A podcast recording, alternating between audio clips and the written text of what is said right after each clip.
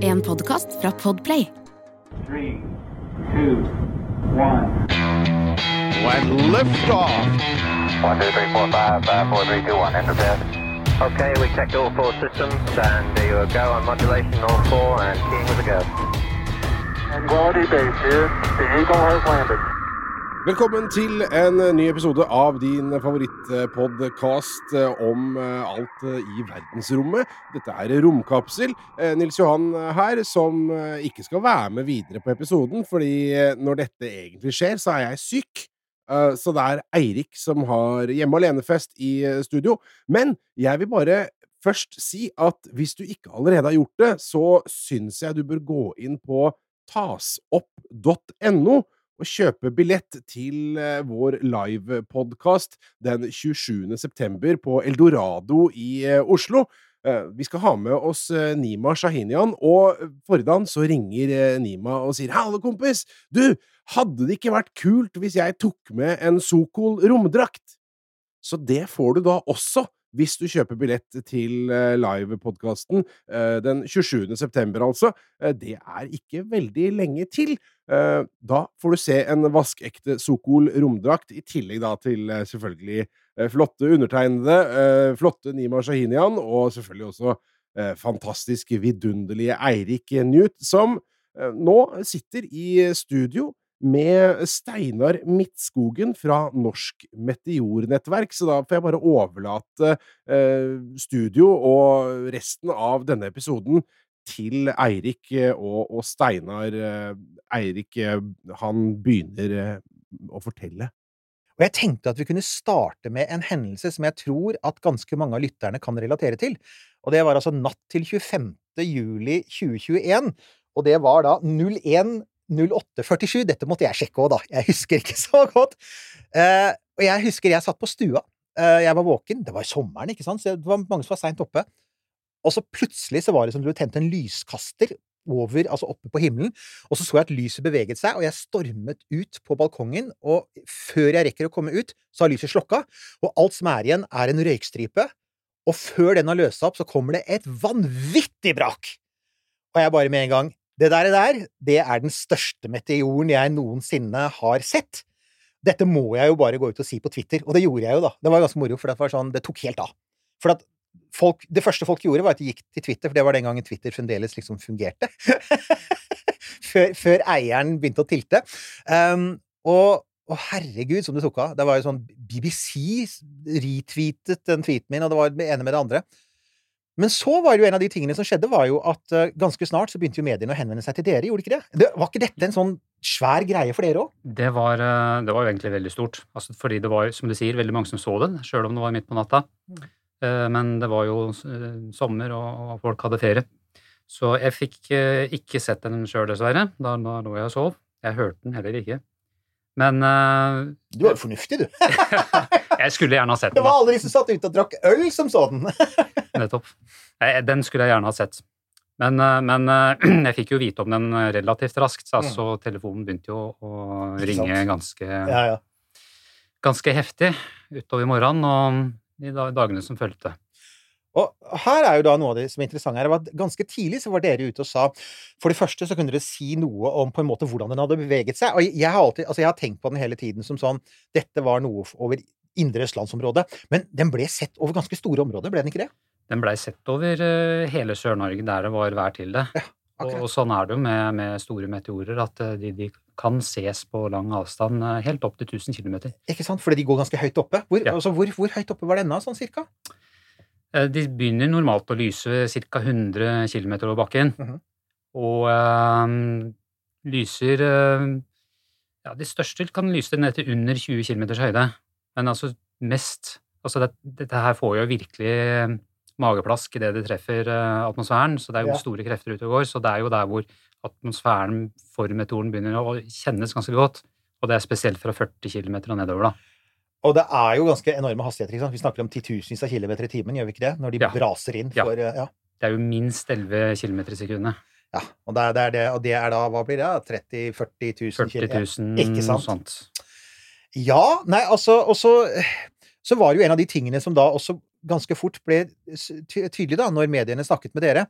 det var at, som du sa, du kunne si noe om høyden den kom inn i, du kunne si noe om omtrent der den begynte å gå i oppløsning, og så kom dette som jeg veldig mange syntes var fascinerende, og det var at dere hadde en, um, dere hadde en slags beregning av sånn omtrent hvor dere trodde For dere, dere trodde at den kunne ha overlevd ned til bakken, ikke sant?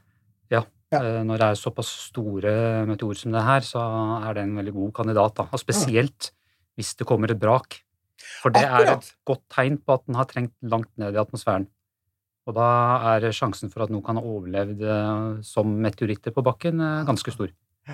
Og dere, da, dere kunne jo til og med da beregne sånn cirka um, hvor den hadde landa. Det var snakk, altså Finnemarka var det som ble nevnt. Ja. Og det er da ikke nordpå, folkens. Det er jo Hvor er det igjen? Det er uh, skauen mellom Lier og Modum, da. Ja. Altså sør for Tyrifjorden. Ja, og for, for folk i resten av landet, det er ikke veldig lang kjøretur fra Oslo og Drammen, typ. Nei. Det er det jo ikke. Um, og, og, og, og det ble det jo også stor oppmerksomhet omkring. Det ble jo blant annet en diskusjon om dette. Skulle folk begynne å gå og lete, for eksempel? Det var vel folk som gikk seg i kast med å lete, gjorde- var det ikke det? Ja. ja. Det blei jo eh, til og med organisert en stor, eh, et stort søk. Ja. Lokale Røde Kors var det vel, som, som tok på seg ja. og organiserte. Mm. Som tok det som en øvelse. Ble det noensinne funnet noen fragmenter? Eller for å si, vet vi det? Det er jo et interessant spørsmål i seg Det, selv. det er et interessant spørsmål. Eh, Vi veit ikke om eh, noe funn. Nei. Så er det alltids en mulighet at noen har funnet noe uten å si ifra. Det er en av de tingene som vi gjerne har lyst til å komme litt inn på etter hvert, som er akkurat dette her med eiendomsretten til meteorer. For det, det, vi, vi kommer til de fysiske steinene etter hvert, men det jeg tenkte var at vi skal snakke litt, litt mer om dette her fantastiske nettverket dere har satt opp. For jeg mener å huske at dere også kunne beregne sånn, litt sånn røftlig hvor i solsystemet den kom fra. Kunne dere ikke det? Altså, dere kunne på en måte, basert på noen punkter i atmosfæren, så kunne dere si hvor den treffer bakken, og så kunne dere regne dere bakover. Um, altså Grunnen til at vi kan si noe om det, er jo fordi vi har satt opp uh, kameraer på ulike steder i, uh, i Norge. Og uh, hvis vi får filma en meteor med flere kameraer, som da ser den samme meteoren fra flere, flere forskjellige vinkler, så kan vi jo da beregne banen gjennom atmosfæren. Ja. Og også beregne bakover hvor i solsystemet dette her kommer fra. Mm. Og vi får hastigheten. Ikke sant? Det er det som kalles triangulering, er det ikke det? Altså at du har, I det øyeblikk du har flere observasjonspunkter, så er det ganske enkel matte, egentlig. eh, Å si ja. hvor høyt den er, og, og da kan du også si noe om hvor fort den går, ikke sant? Og, Nettopp. de, og det er jo, alt dette her er jo veldig vesentlige data om en meteor, og jeg tenker at dette her dette, dette er jo ikke data vi har hatt i all evighet. Hvor lenge har dere holdt på med å, å gjøre slike observasjoner? i nærmere tiår nå. Ja. Og, og dette her er jo noe som har blitt mulig i eh, nyere tid, praktisk mulig i nyere tid, fordi eh, eh, kamerateknologi er, er billig, og, og du kan, en billig PC kan gjøre beregningene i, i sanntid, mer eller mindre. Mm. Altså, det har jo vært gjort lignende ting flere tiår tilbake, men da snakker vi om at de, man må sette ut kameraer med film, og ha eh, eksponeringer gjennom natta, osv. Eh, og det er jo stort arbeid da, å gå gjennom det manuelt etterpå. Ja. Nå har vi i stor grad eh, automatisert Det, disse dette her er jo interessant. Altså For det første, eh, disse kameraene, er det sånne er det sånn fisheye-linser, altså sånn som med veldig vidvinklete? Er det det vi snakker om? Eh, De har vide vinkler. Meteornettverk andre steder bruker gjerne enkle, altså fisheye-linser som dekker hele himmelen. Vi Ja. gikk for litt annen løsning, og det var, er for så vidt sånne fisheye-linser, men som kalles vel semi-fisheye, da. Mhm. Eh, tilsvarende linser som du finner i GoPro-kameraer og, og, sånne ting, og Ja, yes, ja. dashboard-kameraer. Ja. Eh, men de har et utsnitt, utsnittbare um, av i himmelen, da. Og det vi gjør i stedet, er å plassere flere kameraer som peker i fors- forskjellige retninger. Mm. Eh, Grunnen til det er at du da får eh, bedre oppløsning på dette her. Ja, for det sier seg selv at når du skal liksom fordele bildepunktene til en kamerasensor over hele himmelen, Ja. så kan oppløsningen bli litt lav, rett og slett. Den blir lav, og spesielt nær horisonten da, hvis du har et sånt fisheye-kamera som står eh, Akkurat. rett opp, og det er gjerne nær horisonten de fleste meteorene går. Altså, Jeg har jo ikke tenkt å si nøyaktig hvor kameraene deres står, for jeg antar at det er noen grunner til at dere ikke vil si det, men, men hvor mange kameraer har dere rundt i Norge nå, og hvor omtrent står de? Eh, Det er ca. ti. Altså, vi har i Oslo, Kristiansand, Larvik, eh, Ørsta, Trondheim, Gaustatoppen, har dere ikke det? Gaustatoppen. Den er Ja. kul, da! Bildene fra, folkens, det må dere se, altså bildene fra Gaustatoppen er, for der har du utsikt! Det vil jeg si er eh, Nord-Europas beste utsikt, så det er en plass, plass som jeg helt fra begynnelsen tenkte at dette her må være helt glimrende om vi får opp et kamera der. Og for et par år siden så fikk vi til da et samarbeid med Gaustadbanen, som driver denne her eh, tunnelen som går. Altså det går an å ta en bane opp til toppen. Så du slipper å ta den der styrkeprøven eh, til fots. Nettopp. Du slipper å gå til fots til toppen, og du Mhm. har infrastruktur der oppe. Og du har da ingen fjell i umiddelbar nærhet som ruver opp, da. Så du har en veldig god horisont og kan se veldig langt. Så der er det mulig å se meteorer som ramler ned sør i Tyskland, Wow. hvis de er store nok. Ja, ja. Altså, vi snakker om over 1000 km, da. Ja, ja, ja. Men likevel, eh, altså Men da er det jo sånn igjen med at igjen Altså, dere er ikke en veldig stor og velfundert altså, antar jeg, altså Dere har ikke noen kjempebudsjetter, så jeg antar at dette her må være ganske automatisert og vedlikeholdsfritt. Jeg- Det er, altså, som du sier, det er jo ikke sånn En ting er at dere slipper å hente ut film hver kveld, men, men det er sånn da at disse kameraene skrur seg på automatisk og tar bilder, og så overfører det til serverne deres, eller sånt? Eller serveren, eller De, de står og filmer hele tida. Mhm. Lagrer alt til eh, disk. eh, sletter det eldste, men eh, vi har et, får et, normalt et komplett arkiv eh, for hver stasjon på noen få uker. Mhm. Så det er mulig å gå inn i og sjekke ting manuelt når automatikken ikke fanger det opp. Da. Mm.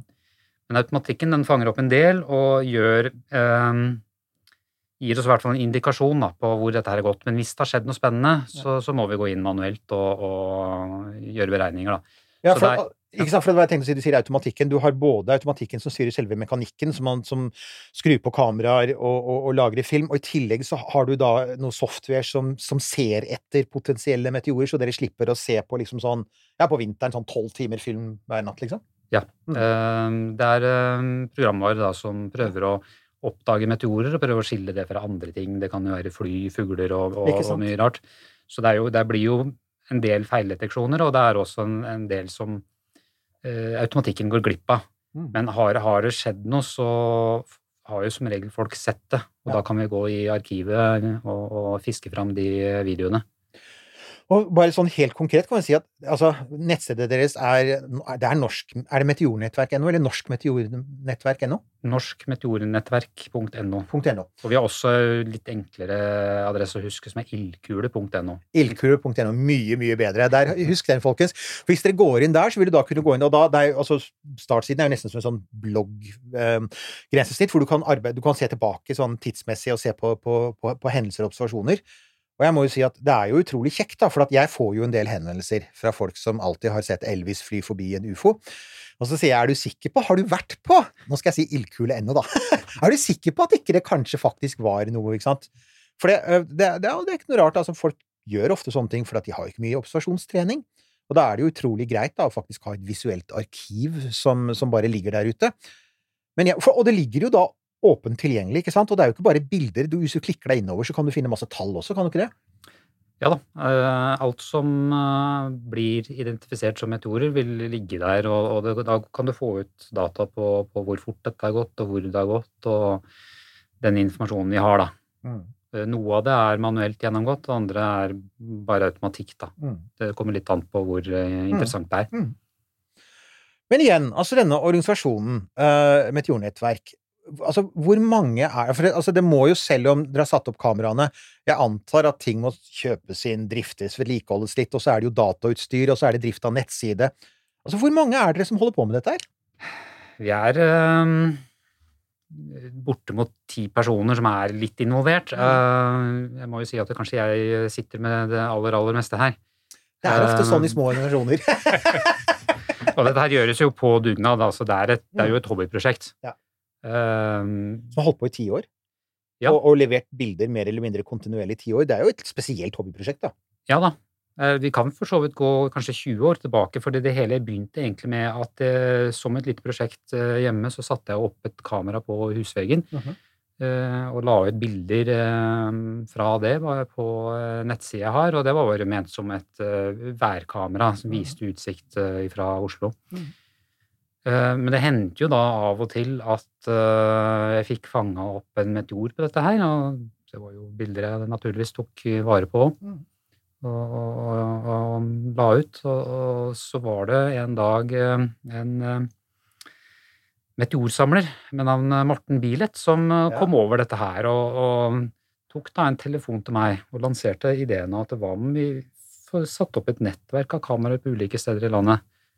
Og, og prøver å finne ut hvor er det disse me- meteorene har eh, gått. -hmm. Og så samla vi gruppe med kjente som har litt interesse av dette her, både i astronomimiljøet og eh, geologimiljøet. Og, og etablerte Norsk meteornettverk. Og begynte å jobbe med å finne ut hvordan vi skulle løse dette her teknisk. Ja. Så da begynte jeg å se på ulike kameraløsninger.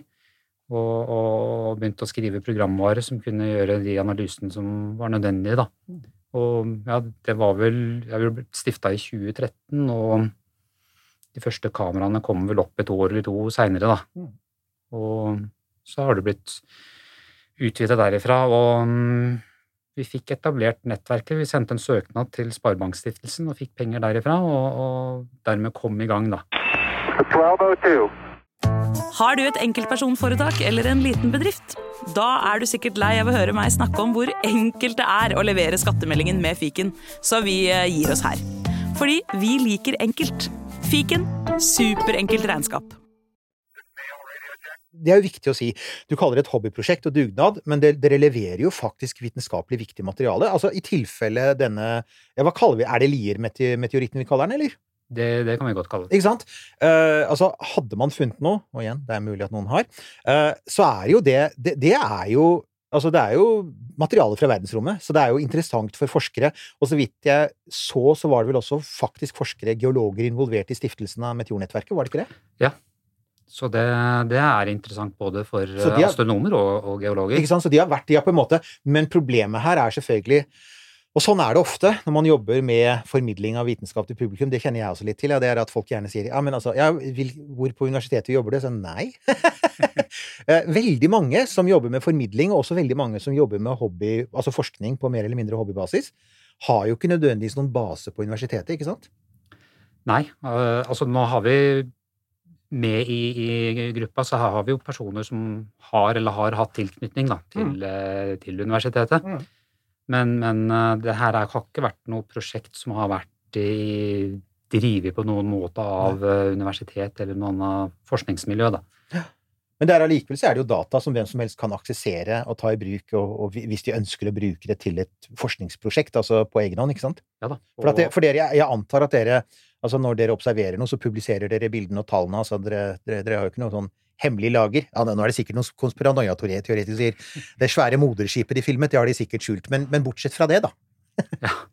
Nei, vi, vi, vi legger ut alt av data. Ja. Uh, hvis det er eh, interessante ting, så prøver vi å kvalitetssikre det litt før vi, før vi går ut med noenlunde presise data. Altså, vi ønsker jo heller ikke å, å sende folk ut i skauen som ønsker å le, leite, og så er det en totalt feil plass fordi vi var litt raskt ute. Ikke sant? Eh, Jeg så da vi snakket litt sammen på forhånd, så lurte vi på om vi skulle snakke om mikrometeoritter. Det er jo morsomt du nevner det, for vi har jo en i Norge, eh, Jon Larsen, som jo er blitt eh, Han er jo et veldig godt eksempel på hvor langt du kan nå med folkeforskning, da. For han er jo, han er jo opprinnelig musiker og hobbyentusiast som jo har tatt det veldig langt. Vi har jo hatt han i studio før, og jeg lurer på om vi skal invitere han igjen, for Jon bare fortsetter og fortsetter. Så det er jo noen, det er noen vitenskaper, altså astronomi er en vitenskap du kan forske utenfor universitetene, sånn geologi, ornitologi, jeg kjenner jo folk som er, gjør viktige fugleobservasjoner, for eksempel. Ja. Så det, det, det jo et rom for, hvis dere sitter her ute, sitter og hører på nå, og, lurer på, og, og, og tvinner tommelen litt og lurer på om dere skal finne dere en ny hobby etter at dere bygde platting i sommer. For det vet jeg at veldig mange av dere har gjort, for jeg har Facebook. Så, så, eh, så er jo altså, så finnes det jo faktisk en del veldig interessante folkeforskningsprosjekter der ute som alltid er på jakt etter entusiaster. Jeg, jeg antar at det er sånn med dere også at dere både kunne kanskje tenke dere folk som er interessert i å involvere seg, men også kanskje også eventuelt støtte dere økonomisk, for det er jo en ting jeg antar at det er, som alle sånne prosjekter, er konstant litt pengeknipe. Det, det stemmer, det. Altså, vi, vi fikk jo initiell støtte og, og kom i gang, eh, men nå er jo det ti år siden, og, Ja. og eh, eh, kamerateknologi har jo gått framover, og utstyr slutter å fungere, og så. Og, og, Ja. og en god del av stasjonene er jo kjøpt inn eh, privat. Mm. Eh, min stasjon er kjøpt inn privat, og ja, jeg, skal ikke si at det er en har vært en skrekkelig dyr hobby, men det er klart at vi kunne ha fått til mer. Ja, og så blir det jo sårbart også, når det ikke er altså, organisert og du på en måte har fast ansatte, ikke sant? For at det blir veldig avhengig av hva, også, hva, folk har råd til og orker. Altså, Folk har jo livssituasjoner forandrer seg, og det er jo alltid, blir jo ofte sånn med dugnads- og hobbyprosjekter. Så, så igjen, eh, de, de av dere som hører på, hvis dere syns dette her høres spennende ut, så, så er jeg sikker på at eh, er det bare å gå innom Det, det er bare å ta kontakt. ildkule.no, Ja, og der, der finner dere den informasjonen dere trenger. Men igjen, altså Ja. disse meteorene, vi må snakke litt mer om dem, for at det, er jo, det er jo det som er hovedsaken her. Det var jo det som motiverte dere ikke sant, til å starte, starte nettverket.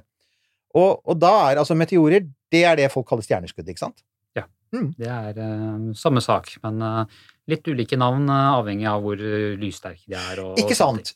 For eksempel denne Lier-meteoren, er det det som alltid kalles for en bolide?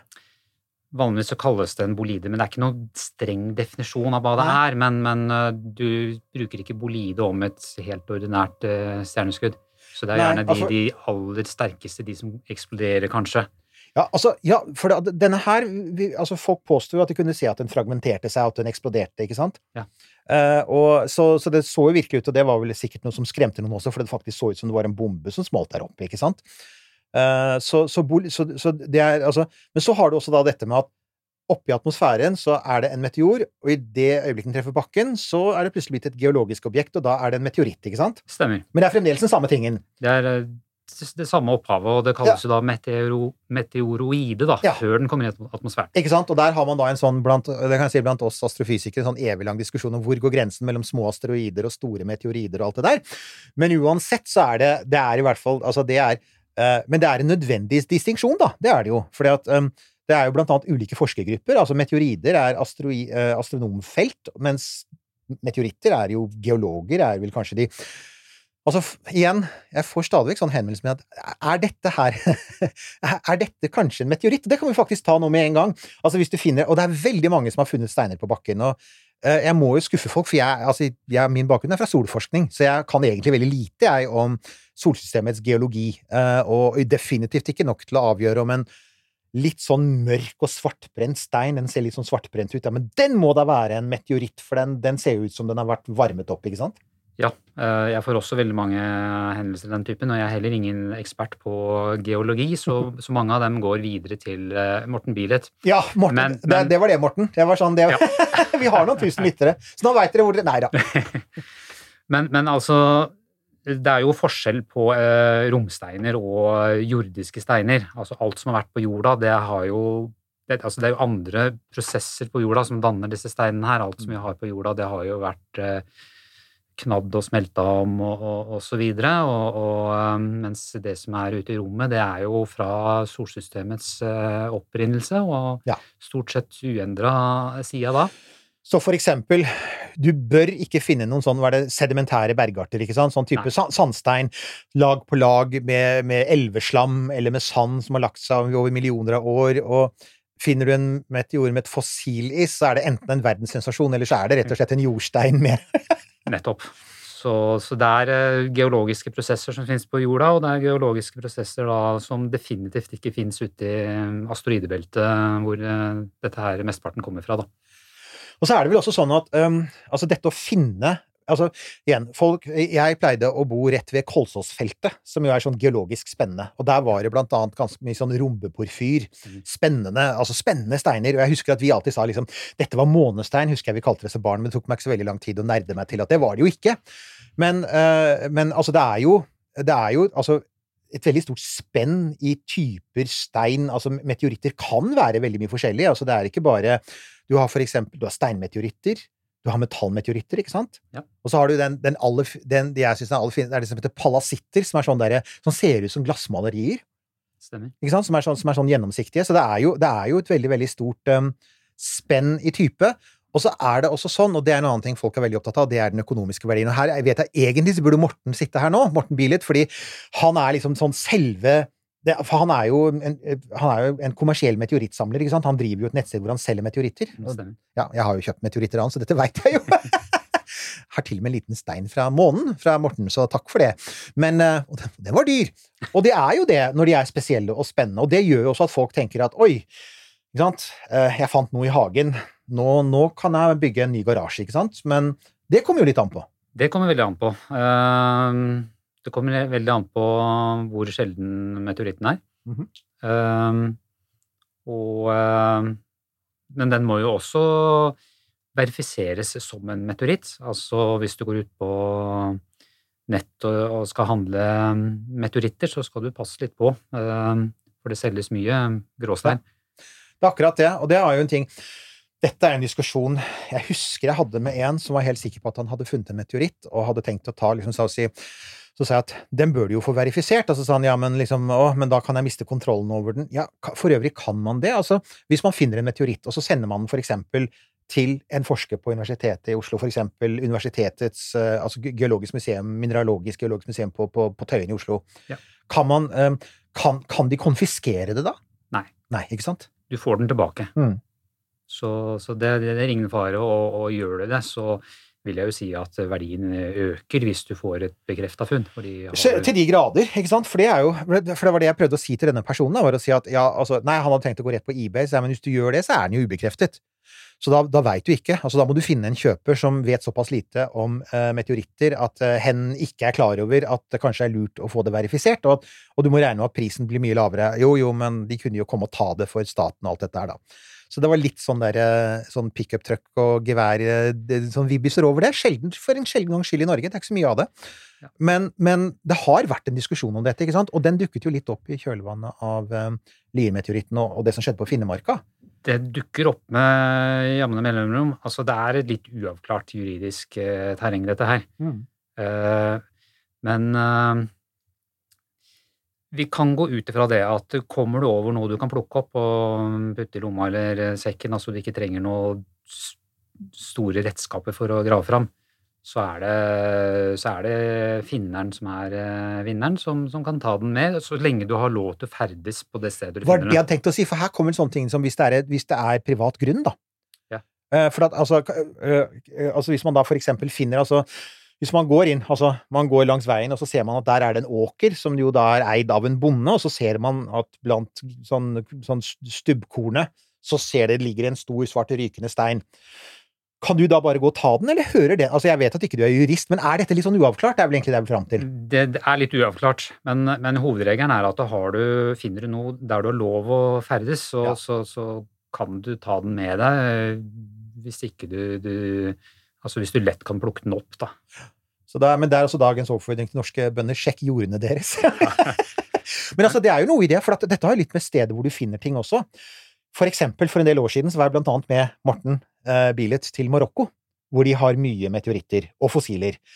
Og da fikk vi jo forklart at en av grunnene til det er jo at når meteoritter faller ned i Sahara-ørkenen, så er de veldig lette å finne, mye lettere å finne mot særlig i de områdene hvor det er mye sand, hvis de nettopp har falt ned, enn i for eksempel altså Finnemarka. Det husker jeg at folk sa også, at det er litt sånn mer typisk norsk terreng, ikke sant, med litt myrer og røsling og Er det ikke det? Steinurer og Jo da, jeg var, jeg var og en tur oppi der og kikka sjøl, og det er mye blåbærlyng.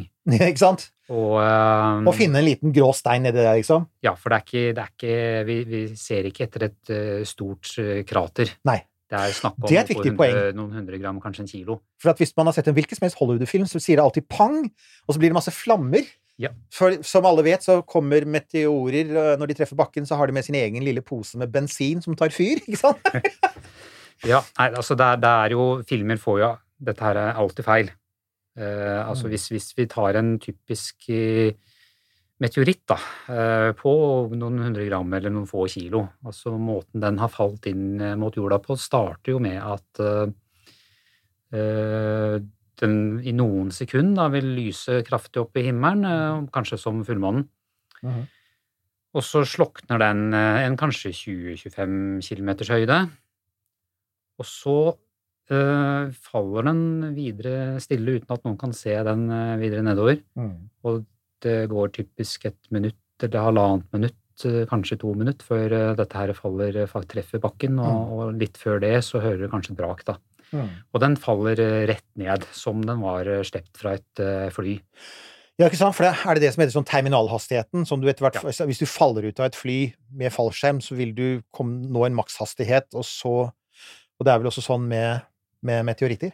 De aller fleste. Altså, Mm. Det det er snak, snakker vi om ting på flere hundre kilo. Ja. Så vil den eh, antagelig beholde en del av den kan du si, kosmiske hastigheten også når den treffer bakken. Den, den som detonerte over Tsjeljabinsk, var vel såpass svær. Det var vel 10-20 meter eller noe sånt, vel. Så den, jeg antar at den var en sånn en som ikke Altså, Den hadde nok en del eh, hadde med seg mye fart. hadde med seg en del av den farten videre ned. Og det var jo for øvrig, det var vel første gangen jeg tror veldig mange nordmenn også ble klar over at dette her faktisk er en ting. Fordi igjen, da Det hender jo man blir for, for, for beskjed om Altså, vi har jo nettopp eh, Altså, ja, altså det, er, det er vel faktisk omtrent når dette tas opp, så er det fremdeles så pågår det en, en, en eh, meteorsverm. Altså, vi hører jo stadig vekk om meteorsvermer. Og når man skal formidle astronomi, så hender det ofte man sier altså ja, gå ut og se etter meteorer, og så kommer folk tilbake og så sier de ja, jeg satt nå ute i tre timer, jeg, og jeg så to, ikke sant? altså, de er jo litt sånn De er litt sånn lunefulle. Altså, noen ganger så kan du se masse, og andre ganger så kan du faktisk eh, vente ganske lenge. Ja, altså det, er, det er mange svermer, og, og til enhver tid så er det minst én eller to svermer som er aktive. Ja. De sprer seg gjerne utover ja. enkelte utover flere uker. Ja. Eh, men det er noen få i løpet av året som er eh, litt ekstra sikre, og eh, den, den du nevner, eh, er vel uh, Persiden, er det det som er? Det er Persidene, Ja. nemlig. Var det. er- Plutselig, pinlig nok, så hadde jeg glemt det. Men hei, hei, jeg er solfysikk, solfysikk. Men ja. eh, Og, Den er ikke så veldig fin i Norge, fordi den kommer i august, og, og det er fortsatt korte, lyse netter, da. Ja. Men, men seinere, så i desember, er kanskje den beste i Norge, og det er geminidene. Den eh, gir eh, kraftige, kraftige ildkuler av og til. Og så vil jeg også kanskje trekke fram eh, tauridene. I november, er det vel. Den hender at det gir store ildkuler, men eh, eh, de, de, det kommer ikke så mange av dem. Nei. Så, så den beste er nok geminidene rundt eh, 13. desember. 1202. Har du et enkeltpersonforetak eller en liten bedrift? Da er du sikkert lei av å høre meg snakke om hvor enkelt det er å sende faktura med fiken. Så vi gir oss her, fordi vi liker enkelt. Fiken superenkelt regnskap. Prøv gratis på fiken.no. kan man forresten lære noe mer av når Man ser for eksempel en kraftig meteor av en type bolide. Jeg, altså, hvis man står ute under himmelen en vanlig klar natt, og vi som er amatørastronomer og, og hobbyastronomer, vet at da, da vil du alt Da vil du nesten uvegelig så vil du se noen stjerneskudd. Du vil se en sånn liten lysstripe, men det går fort over, og det er sånn en liten lysstrekk, og så er den borte. Ja. Men sånn som denne, uh, vår venn eh, 25. juli uh, 2021 um, den, eh, den liksom buldret over himmelen, og den smuldret opp, og det var fargespill, og det var flere biter. Kan man lære noe mer om på en måte, altså sammensetningen, eller hva slags eh, altså objektet var, bare ved å se på det? For eksempel, du har, de som er, du, har noen som er laget av jern, ikke sant? Ja. Og så har du de som er laget av, av altså mer sånn type silikater og sånn, kanskje, og så har du sånn karbonbaserte. Og det er jo forskjellig tetthet og, og toleranse, vil jeg tro, overfor varme. Altså, jeg ville tro at en svær jernklump tåler mye bedre å bare brase gjennom atmosfæren, mens noe litt løsere kanskje går i oppløsning. Ja. Uh, og det er litt, litt utfordring når vi har de, disse her filmene. Eh, Det var jo en annen eh, stor meteor ikke så veldig lenge etterpå som falt ned over Sverige. Eh, og der var vi veldig usikre på hvor stor var den her egentlig. Altså, det som overraska oss veldig mye, var jo det at eh, den så jo ut til å lyse ja, ned til under 15 km. Mm.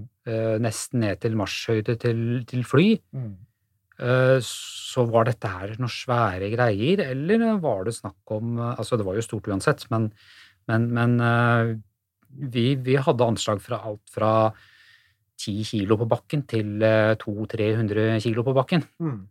Og eh, det kom helt an på hva slags tetthet dette her eh, hadde. Og det Mm. viste seg jo da at det blei jo da eh, funnet en eh, meteoritt til slutt på 14 kilo. Og det ble det! Og den er av, var av jern.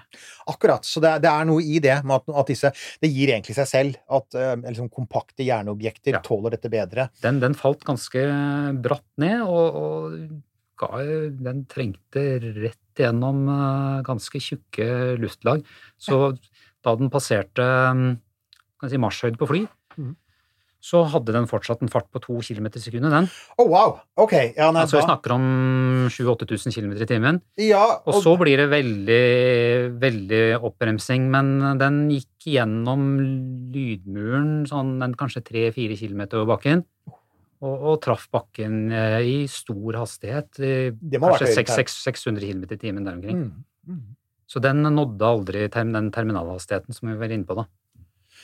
By the way, når vi snakker om at disse svære tingene som faller ned, så er det jo sikkert noen som tenker Men er ikke det farlig, da?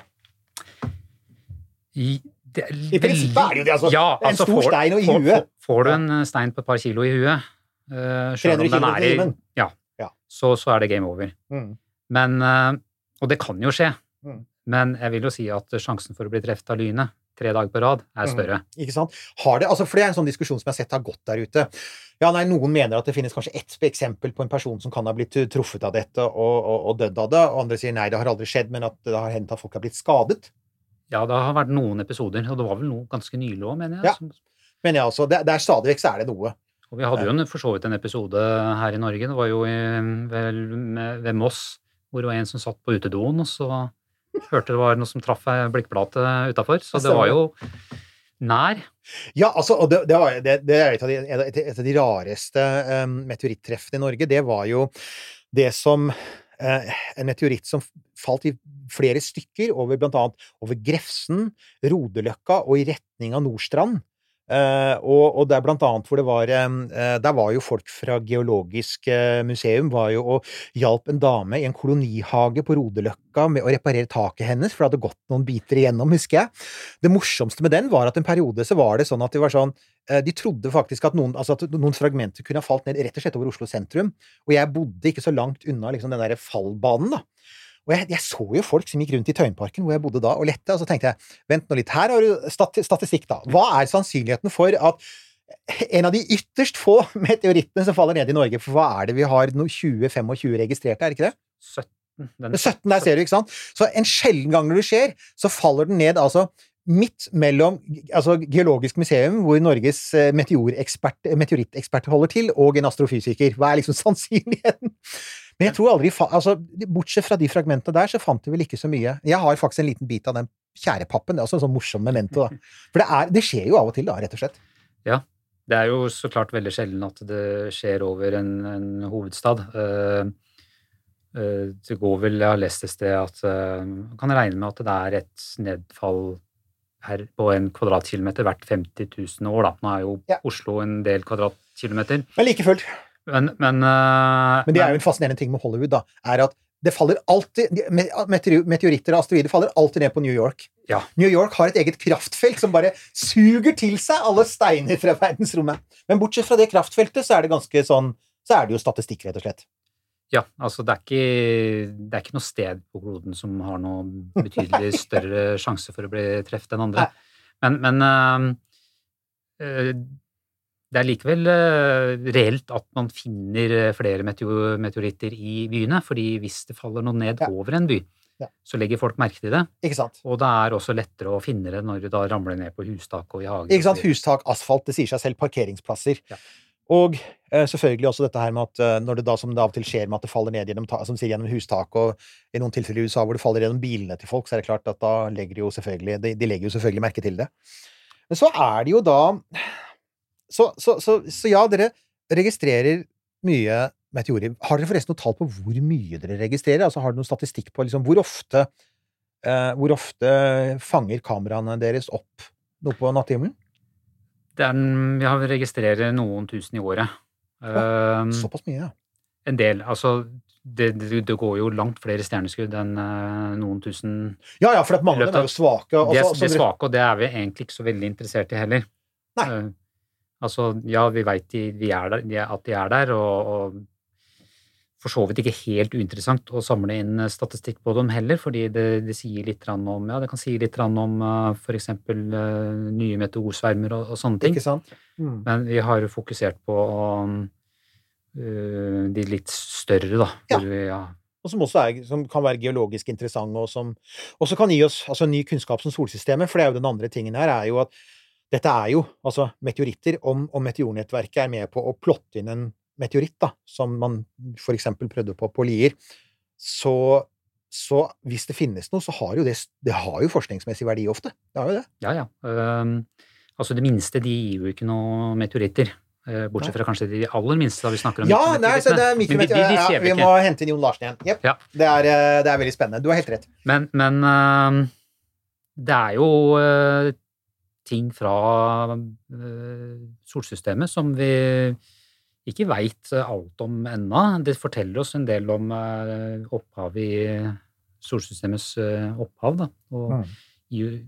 det er jo vesentlig billigere å prøve å finne ut hvor disse her ramler ned, og, og, og finne dem, enn å sende opp sonder for å hente noen gram eh, Ja. kometstøv. Det er akkurat det. Kiloprisen på de, det de sondene henter tilbake, er eh, ganske stor. Den er mye, mye høyere enn kiloprisen for eksempel på som sier, eh, altså verifiserte månemeteoritter. Ja. Og også, det finnes jo også faktisk verifiserte Mars-meteoritter der ute. Det er jo innmari spennende, da. Ja, Altså- altså, det, var, det var vel en, en uh, sonde Stardust. Kom, kom vel tilbake med et milligram eller noe sånt. Mm. Den kosta vel en milliard kroner, dollar, eller hva det var. Ja. Vi skal ikke regne på hva eh, Apollo-prøvene kostet, men de var verdt det. Altså I denne, denne podkasten her så sier vi at alt som skjer av den typen ting, det er verdt å gjøre. Um, og så er det da Siden dere da driver og har kamera rettet mot nattehimmelen hver eneste klare natt, og dere tar bilder av det som flyr over, så antar jeg jo da, så du var inne på det, at dere ser ting som, som ikke er meteorer, men som allikevel er på nattehimmelen, ikke sant? Ja da. Det, alt eh, filmes, eh, og, og vi lagrer det, og det hender jo at folk ser rare ting på himmelen, og, og, og ringer eller sender e-post og lurer på hva dette her er for noe, hvor de sikkert skjønner at det ikke er en meteor, men eh, de er nysgjerrige, da. Mm. Og det hender jo da at jeg kan gå inn på noen av kameraene og ser om jeg har fanga opp det samme. Mm. Så kan jeg prøve å gjette på hva det er, men Ja. det, det er mye forskjellig. Ja. Altså en, en gjenganger kan jo være, hvis det er overskya, så veit du jo f.eks. at det er ikke noen meteor man har sett, men du har jo sånne flere, I flere byer så er det jo utesteder som setter opp spotter som oh, ja. danser rundt på himmelen. Mm. og Lysforurensningen, Ja. det er, som jeg bare er eh, litt eh, rasende for, ja. Ja, det er ikke sikkert uh, luftfartsmyndighetene heller er så veldig glad for akkurat de der. Da. Nei, Nei for at det er jo det. Du har, du har satellitter, for eksempel. Det er jo en annen ting. Altså der, og der, der, dette, her er det jo litt overlapp igjen med noe av den virksomheten jeg driver med, som er at i alle år så har jeg også fått sånne henvendelser. En ting som har vært vanligere de senere årene, er faktisk kondensstriper fra fly. Jeg antar dere har hørt om det òg? Det er en veldig stor, veldig hyppig gjenganger. Er ikke det litt rart? For at, altså, jeg tenker litt sånn Ja, det er solnedgang, og du ser en sånn fin rosa strim... eh, Det, ser ut som en sky, og den peker i retning av solnedgangen, og det ser ut som en sky! Hva er det som er så vanskelig med dette? ja. nei, men altså, det er eh, litt spesielle forhold. da. Sola har akkurat gått ned, Mm. eh, men akkurat der hvor flya går, og i 11 km høyde, så er de fortsatt oppe i sollyset. Da. Mm. Og da får du en veldig kraftig kontrast. da. Og det ser jo ut som det er noe som virkelig gløder på himmelen. Men, det kan se veldig flott ut. ja, men igjen, eh, det, det er den Hollywood-versjonen av meteorer. Altså, Ja. Det er akkurat det. Og der er det jo igjen dette her med at det er, altså, når man er vant til å se på himmelen, så lærer man seg å skille mellom de langsomtbevegende satellittene og flyene, som man også kan kjenne igjen, og sånne, sånne, sånne fenomener som det. Ja. Eh, jeg syns jo det er litt interessant at altså en um, Å ja, for øvrig, dette er jo noe vi har glemt å nevne, men altså, meteoritter lyser jo ikke på grunn av reflektert sollys, ikke sant? Hva er det som får meteor, eh, unnskyld, meteorer til å lyse? Eh, Det er eh, lufta rundt som, som lyser. Altså de meteorene som vi ser, de Mm. er jo eh, små, altså noen kilo typisk, men de Mm. kan jo eh, skape et lys som er sterkere enn eh, fullmånen. Mm. Og det er ionisering av lufta rundt. Så det er ikke så, altså det er, så, For at det mange tror, da, er at det er selve meteoren som gløder, ikke Ja. sant? Men det er ikke Altså, den er sikkert glo, glovarm, eller Eller er den det, forresten? Det er jo ikke lenge den er i atmosfæren. De store Nei. rekker vel ikke å bli veldig varme inne, gjør de det? Nei, de blir ikke varme inne. Eh, Dette er altså, det er, folkens. ja, altså det er jo I verdensrommet så er det kaldt, stort sett. Det, det er jo ikke noe atmosfære som, som vi har på Mm. jorda, som, som varmer opp. Så, det, så eh, meteori, meteoroidene, da, de, de er jo minusgrader inni. Mm. Eh, Men så kommer de da inn i eh, jordatmosfæren og får da voldsom oppbremsing. Og, og de vil begynne å, å smelte, og, og mesteparten smelter bort. Mm. Altså typisk så forsvinner 90 Mm. av, av den steinen. Men dette her skjer jo bare i løpet av noen få sekunder. Mm. Så, så det er bare det helt ytterste laget som varmes opp, og så er det kaldt inni. Mm. Og når øh, den slutter å lyse og bremser opp og når terminalhastigheten, så, så faller den da i et minutt, halvannet minutt før den treffer bakken. Og rekker det ytre laget rekker jo til og med å kjøle seg litt Ja, ned. ikke sant? For at da er det jo ikke lenger en oppvarming av oppbremsing. Så, men det er jo folk som har eh, opplevd og at eh, meteoritter lander like ved dem, og, har plukka dem opp. Og ja, de er varme, men du brenner deg ikke. Nei, ikke sant? Så ja. Nei, så det er jo da grunnen til at, at eh, Så det er altså årsaken til at eh, meteorer, meteorer lyser. Um, men igjen, da, så er det dette med Altså, en, en av de Altså, en mann som av og til dukker opp i dette, i denne podkasten sånn helt naturnødvendig, fordi folk stadig vekk spør om han, det er jo Avi Lob, ikke sant? Ufo-jegeren. Den mest, for så vidt den mest etterrettelige av ufo-jegerne, selv om han også liker å sånn, gå ut med litt sånn høy kølleføring av og til, sånn som i sommer, hvor han påstod at han hadde funnet alien tech Ja. på bunnen av Stillehavet, i et område hvor det for øvrig hadde vært utrolig mye krig, kamp mellom fly og skip under annen verdenskrig, så det var mange som påpekte at der er det mye metallfragmenter som er blitt utsatt for interessante temperaturer og alt mulig. Men han har jo lyst til å altså Han har jo et prosjekt som er det Prosjekt Galileo han kaller det, hvor han ønsker å sette opp kameraer i USA, ta bilder av nattehimmelen, og bruke blant annet triangulering for å, for å Han vil jo da se etter ufo, rett og slett, ikke sant? Eh, altså Så vidt jeg skjønte av dette som har falt ned i, i Stillehavet, det som overhodet ikke rimer der, er jo det at eh, dette skal jo være interstellart. Mhm. Og er det det, så kommer du jo inn i atmosfæren i en enorm fart, da. Ja. Vi snakker om eh, 70 km i sekundet og gjerne litt mer. Og, da blir det ikke noe igjen av det, uansett hva slags Om det er jern eller Ikke sant? Altså, det er klart at det er det noen aliens her som, Mm. som har eh, noen helt utrolige legeringer som vi ikke veit om, som, som overlever alt av varme, så, så klart. Men, men da har Da man vil jo du gjerne se de legeringene, da, by the way. Ja. Det er det jeg sier. Show us the money, er det jeg alltid sier. Vis oss legeringene, så Men, men altså øh, Men dette her er jo altså dette, jeg, jeg så han beskrev prosjektet, så tenkte jeg dette minner jo egentlig ganske mye om det Norsk Meteornettverk har gjort øh, ganske lenge. For øvrig finnes det andre sånne altså er det, er, Vi er vel ikke alene om dette i Norge? Har de det i andre land nå, eller? Det fins i flere land. Altså, Mm. En ting som har vært stor hjelp, har vært tilsvarende nettverk i, i Sverige og, Ja. og Danmark. Så Men nedover i Europa og i USA så er det, det er flere nettverk Mm. som gjør uh, tilsvarende ting. Mm. Og det blir flere av dem. Og uh, dette her er jo noe som har dukka opp de siste årene fordi det har vært blitt, som jeg var inne på, teknologisk eh, mulig Ja. å gjøre det for amatører. Og det er Altså, vi lever jo i et samfunn, det oppdaget vi også igjen 25. juli 2021, at det er utrolig mye kameraer i Norge nå som peker ut i natten. Altså, Ja. du har dashbordkameraer, du har overvåkningskameraer, du har, det var kameraer fra busser og tog og, og garasjer og alt mulig som hadde sett dette her. Så vi er jo allerede i en sånn verden, så hvorfor ikke systematisere til det, tenkte jeg da. Altså, nettopp dette med at du vet hvor de står, du vet hvilken vinkel de peker i, du vet hvor, altså, du kjenner liksom blenderåpningen og sensoren og alt, og da kan du samle inn Igjen det som Avi Lob sier han er så opptatt av å samle inn med dette Galileo-prosjektet sitt. Ordentlig vitenskapelig data, ikke sant? Skikkelig tall, for det er jo noe av det vi mangler. Men altså, for å ta det, da, Um, uh, siden det helt sikkert er noen som lurer litt på det, har, har dere hatt en sånn opplevelse hvor dere har sittet og sett på et sånt der, et eller annet på Som har fløyet over, ikke sant?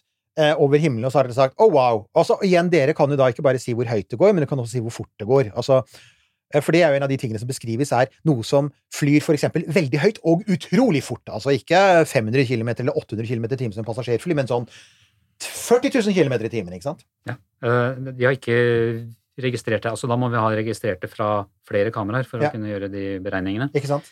Men eh, nei, ingenting. Altså det har vært ting som enkeltkameraer har registrert, som er litt vanskelig å si hva er. Mm. Men, men det kan jo da være hva som helst. Det Ikke kan sant? være noen refleksjoner i noe Mm. vann på linsa, eller noe liksom insekt eh, det, det er jo umulig å si hva slags avstand det er. Men det interessante du sier der, er nettopp dette med flere kameraer, ikke sant? For det er jo et av hovedproblemene vi har med disse her UAP, UFO-observasjonene, er jo det at det ofte er enkeltkameraer som egentlig ikke er egnet for å gjøre den typen observasjoner, eh, og hvor du selv når de snakker om for eksempel, når man sier ja, men dette er det amerikanske flyvåpenet, ja, men det de har brukt er jo faktisk siktekameraer for, for våpen. Og det, er, det, tri- det triangulerer ikke, du måler avstanden til bakken på andre måter, så derfor så vet vi ikke hvor langt unna denne tingen er. Og det er det mange astronomer som har pekt på, da, at du ser den grå flekken, og så sier du 'den fløy fort', sier piloten, og så sier de 'men hvordan vet du at den var langt unna'? Hvordan vet du at ikke den var nær og fløy langsomt? For det er jo det vi da veit, altså det er enkel, det er jo enkel matte. Ja, altså mange av de ufo-videoene er jo eh, Du har et kamera, som, som du sier, du vet ikke avstanden til objektet, og så har du gjerne kameraet i, i bevegelse i tillegg. Ja. Så du får alle mulige slags rare perspektivvirkninger. Ja. Så, så å ha kamera som står på et fast sted, og, og som filmer flere kamera filmer det samme objektet, det er eh, helt essensielt da, for å kunne si, i hvert fall utelukke en hel masse. Så Avilob, lykke til, men altså basert på den erfaringen som andre med tilsvarende systemer har gjort, så holder ikke jeg pusten, for å si det sånn. Men det er bra, altså. altså det, det beste som kan skje, er hvis han får Han har jo mer tydeligvis ganske mye penger, da. Han kan jo organisere en svær ekspedisjon til Stillehavet. Og ingenting ville være bedre enn om du fikk satt opp masse gode meteorkameraer i USA. Altså Da får du skarpere bilder, bedre data. Alt er jo, altså, det er jo bare av det beste. Uh, men det er vel også da altså Jeg antar at altså dere håper på det, for å runde av her, da. Eh, så er det jo altså Dere ønsker jo også å oppgradere systemene deres, ikke sant? Altså få mer moderne kameraer og kanskje annet utstyr også. Ja da.